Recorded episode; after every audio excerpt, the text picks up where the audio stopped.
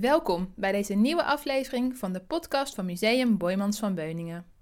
In het najaar van 2018 staat het museum stil bij zijn eigen verleden in de Tweede Wereldoorlog en de periode vlak daarna. De tentoonstelling Boymans in de oorlog gaat in op het reilen en zeilen van het toenmalige museum Boymans. Er is aandacht voor de rol van directeur Dirk Hannema en de kring van verzamelaars en mecenassen rond het museum. De oorlogstijd is een omstreden periode waarin het museum, geleid door Hannema, open blijft en tientallen tentoonstellingen organiseert. Door zijn verregaande samenwerking met de bezetter kan Hannema na de oorlog niet terugkeren als museumdirecteur. In Rotterdam wonen nog altijd mensen die de oorlog hebben meegemaakt of wier ouders of grootouders verhalen over de oorlog hebben gedeeld. Samen met Verhalenhuis Belvedere verzamelt Museum Boymans van Beuningen via een oral history project persoonlijke herinneringen aan het museum tijdens de oorlog. Dit kunnen ook verhalen uit de tweede hand zijn van ouders, grootouders, buren of anderen met hun herinneringen aan Museum Boymans tijdens de Tweede Wereldoorlog of over de Rotterdamse kunstscene in deze periode.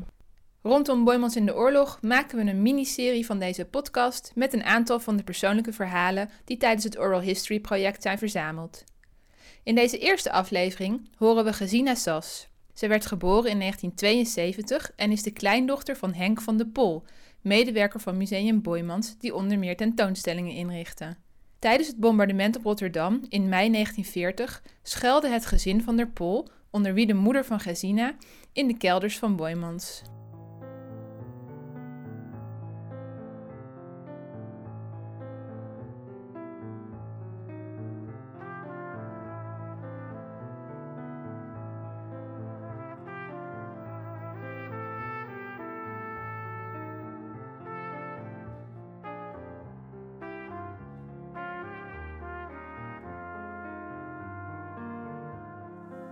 Kwam voor mijn gevoel met al mijn hele leven in Boymans. Elke keer als een tentoonstelling was, dan werd ik daarmee naartoe gesleept. En mijn vader houdt ook heel erg van kunst. Nog steeds ga ik met mijn vader naar Boymans. Want hij gaat natuurlijk niet meer alleen, dus dan gaan we met z'n tweeën daar, naar, eh, daar naartoe. Ja. Ik ben uh, Gesina Sas. Ik ben enig kind. En uh, mijn moeder was uh, van de Pol. Tommy werd ze genoemd. Ook enig kind. Um, geboren in Rotterdam. En eigenlijk de hele familie kwam uit, kwam uit Rotterdam.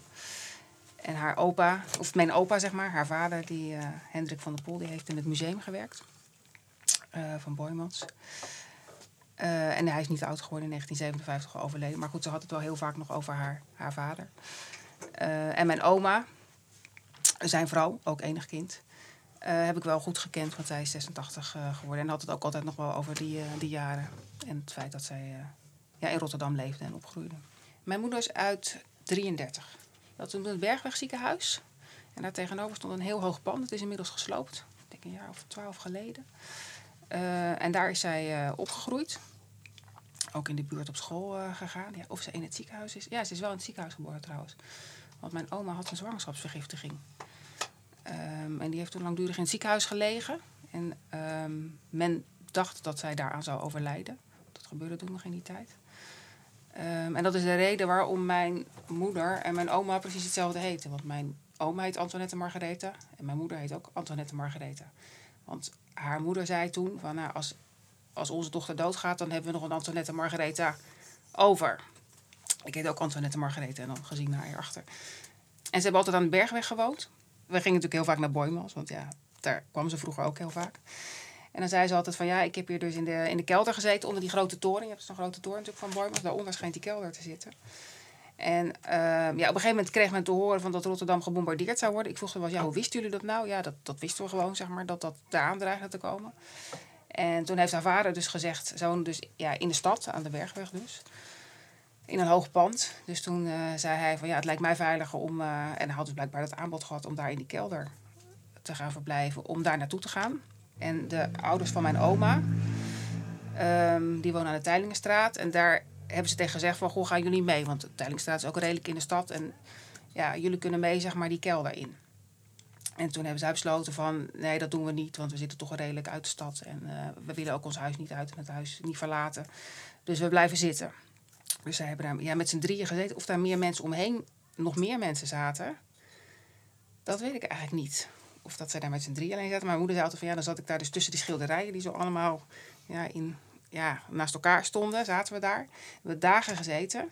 En toen na een dag of drie zei ze altijd van ja, toen is mijn vader dus naar boven gegaan om te kijken wat er gebeurd was. En zei de hele stad brandt. En ja, en het huis van in de Tuilingenstraat is weg. Daar is een voltreffer opgevallen. Dus dat is niet in brand gevlogen. Dus ook, je ziet het ook nog als je daar langs loopt, dan is het echt een nieuw stuk, zeg maar. En de rest daar is nog gewoon oud.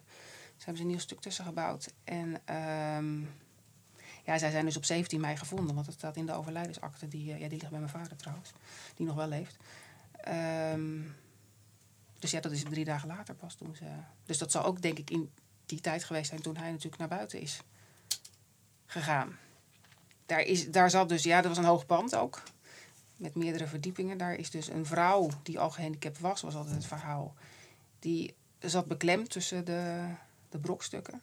En ze hadden de Noord-Singel-gevangenis, die daar tegenover is, hadden ze opengezet zodat die gevangenen zeg maar, eruit konden. En die vrouw is dus bevrijd of uitgegraven door twee of drie gevangenen, zeg maar. Ehm, en later is de politie nog bij haar geweest, want ze wilden die gevangenen natuurlijk allemaal weer oppakken. Van ja, hoe zagen ze eruit, zeg maar. En, maar goed, zij heeft dus daar, dat zei mijn oma ook altijd, want ze heeft nooit gezegd hoe ze, er, hoe ze eruit zagen. Omdat zij zei van ja, weet je, ze hebben mijn leven gered. Dus ook hebben ze moord gepleegd. Ik ga niks zeggen, want ze hebben mijn leven gered.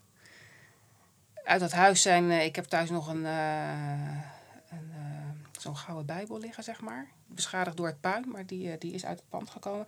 En er is heel veel uh, ja, theedoeken, beddengoed, zeg maar, uitgekomen. Dus dat hebben ze op allemaal op een handkar gelaten, meegenomen. En dat heeft voor een groot deel de oorlog doorgeholpen. Want ze hebben dat allemaal geruild voor voedsel met, met boeren in Berkelen Rode Reis en in Bergse, Bergse Hoek. Dus ze hebben daar nog heel lang ja, dat om in kunnen wisselen voor, voor eten. Mijn oma sprak heel weinig over het bombardement eigenlijk. Die heeft natuurlijk haar ouders daarbij uh, verloren. Die had het daar nooit, en heeft het daar nooit met mij over gehad, echt. Dat was meer mijn moeder die dat vertelde als wij dus in het museum liepen. Um, en als het 14 mei was, dan nou ja, je hoefde niet naar haar toe, zeg maar. Want dat wilde ze niet. Ze wilde echt alleen zijn. En tot op hoge leeftijd, zeg maar, was dat een dag die... Uh, nou ja, ze alleen wilde doorbrengen. En daar met niemand over wilde, wilde hebben, zeg maar. Terwijl ze altijd heel vrolijk, van valant opgewekt was. Het was een heel extrovert iemand.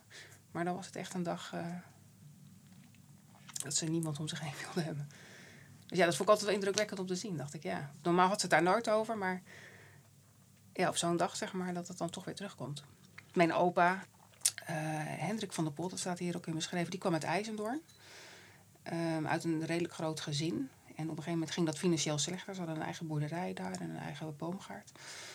Uh, maar dat ging financieel slechter en hij was de jongste van het gezin. En hij is toen voor werk naar Rotterdam gegaan. En hij was 19 à 20 toen hij naar Rotterdam vertrok. En toen heeft hij eerst bij de RT uh, gewerkt als trambestuurder. En dus later als de post bij Boymans gaan werken. En toen weer later heeft hij zich dus opgewerkt tot... Ja, wij deden dus het internationale transport van schilderijen. En ging dus met die directeur op stap, zeg maar, om die, schilder, of die tentoonstellingen in te richten. Nou ja, wat met name, wat ik gehoord heb, dat hij maar heel kort suppost is geweest. En dat hij toen later met die directeur op stap is geweest om die tentoonstelling in te richten. Dus naar het buitenland heb ik dus foto's van. Die heb ik hier bijvoorbeeld. Transport van schilderijen vanuit Dijon naar Museum Boymans, 1950. Dan ging hij dus op stap en regelde dat die schilderijen vervoerd werden. Ja, dat is wat ik altijd gehoord heb. In die oorlog is hij, hij is opgepakt met een razzia. Ja, hij is daar dus te werk gesteld. En toen zou hij daar, is hij daar ja, hier staat gevlucht, zeg maar. Mijn oom dacht dat hij gevlucht was. Ja, mijn, mijn oma die het er eens over had, die zei van ja, ineens stond hij dan weer voor me in Rotterdam. En hoe dat gegaan is, ik weet het niet. Mijn moeder, ja, zei van ja, ja, ineens stond hij weer voor ons. En misschien had het museum daar wat mee te maken. En misschien had het museum er ook wat mee te maken dat hij daar in Duitsland, want hij zat al een soort van kantoorfunctie. Hij was ook niet uitgehongerd toen hij terugkwam. Uh, dus hij had daar redelijke positie, zeg maar, werd niet echt te, ja, te werk gesteld in die zin dat hij zwaar lichamelijke arbeid moest doen. Misschien heeft dat daar natuurlijk ook wel wat mee te maken. En oma heeft zich daar, ja, die heeft zich daar nooit verteld. Wat ik ook wel apart vond, wat, nog, wat ik al zei, ze was nog wel extravert. Um, mijn moeder ook niet. Er waren heel veel brieven die mijn oma heeft, of mijn opa heeft geschreven aan mijn oma uit de oorlog. Heel pakket. En mijn moeder zei altijd van ja, ja, dat, uh, dat zijn brieven voor, uh, van hè, privébrieven zeg maar, naar mijn oma toe. Dus ik, ik mocht ze niet lezen. Ze lagen boven bij mijn ouders in een kast. En uh, mijn moeder heeft kanker gekregen. Is daar tien jaar geleden overleden. En één, twee weken voor haar dood, toen ze heel ziek was. En um, toen zat ze dus boven in dat kamertje waar die brieven lagen. En ik kwam boven. Ik was daar ingetrokken, zeg maar, een aantal maanden om, om daar te verzorgen. En toen zat ze al die brieven te lezen en één voor één te verscheuren. Ik zeg, waarom doe je dat nou? Want het zijn brieven uit de oorlog. En ik heb ze dus nooit gelezen. Dus ik, weet, ik heb geen idee wat erin staat.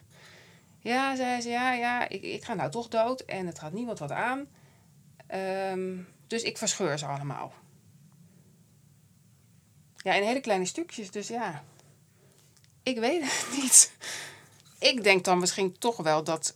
Van Hannema werd natuurlijk gezegd dat hij fout was in de oorlog.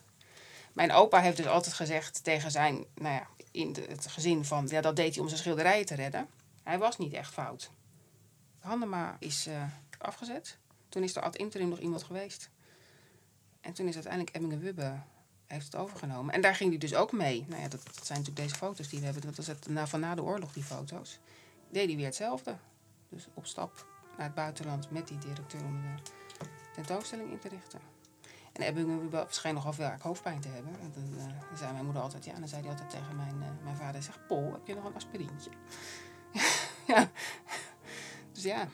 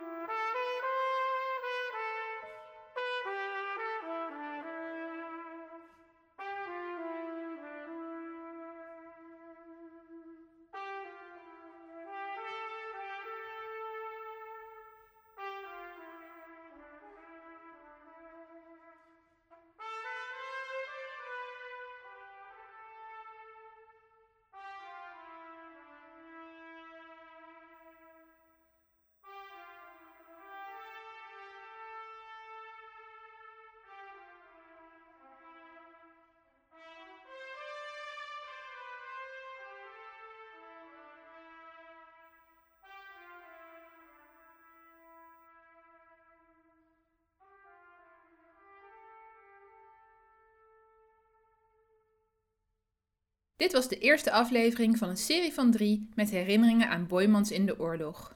Deze en andere persoonlijke herinneringen aan Boymans in de oorlog worden gepresenteerd in de tentoonstelling en op onze website boymans.nl. Het verzamelen van verhalen gaat nog verder. Heeft u een herinnering aan het museum in de oorlog? Kom dan ook vertellen in Museum Boymans van Beuningen op 6 januari 2019 of mail Verhalenhuis Belvedere via info.verhalenhuisbelvedere.nl.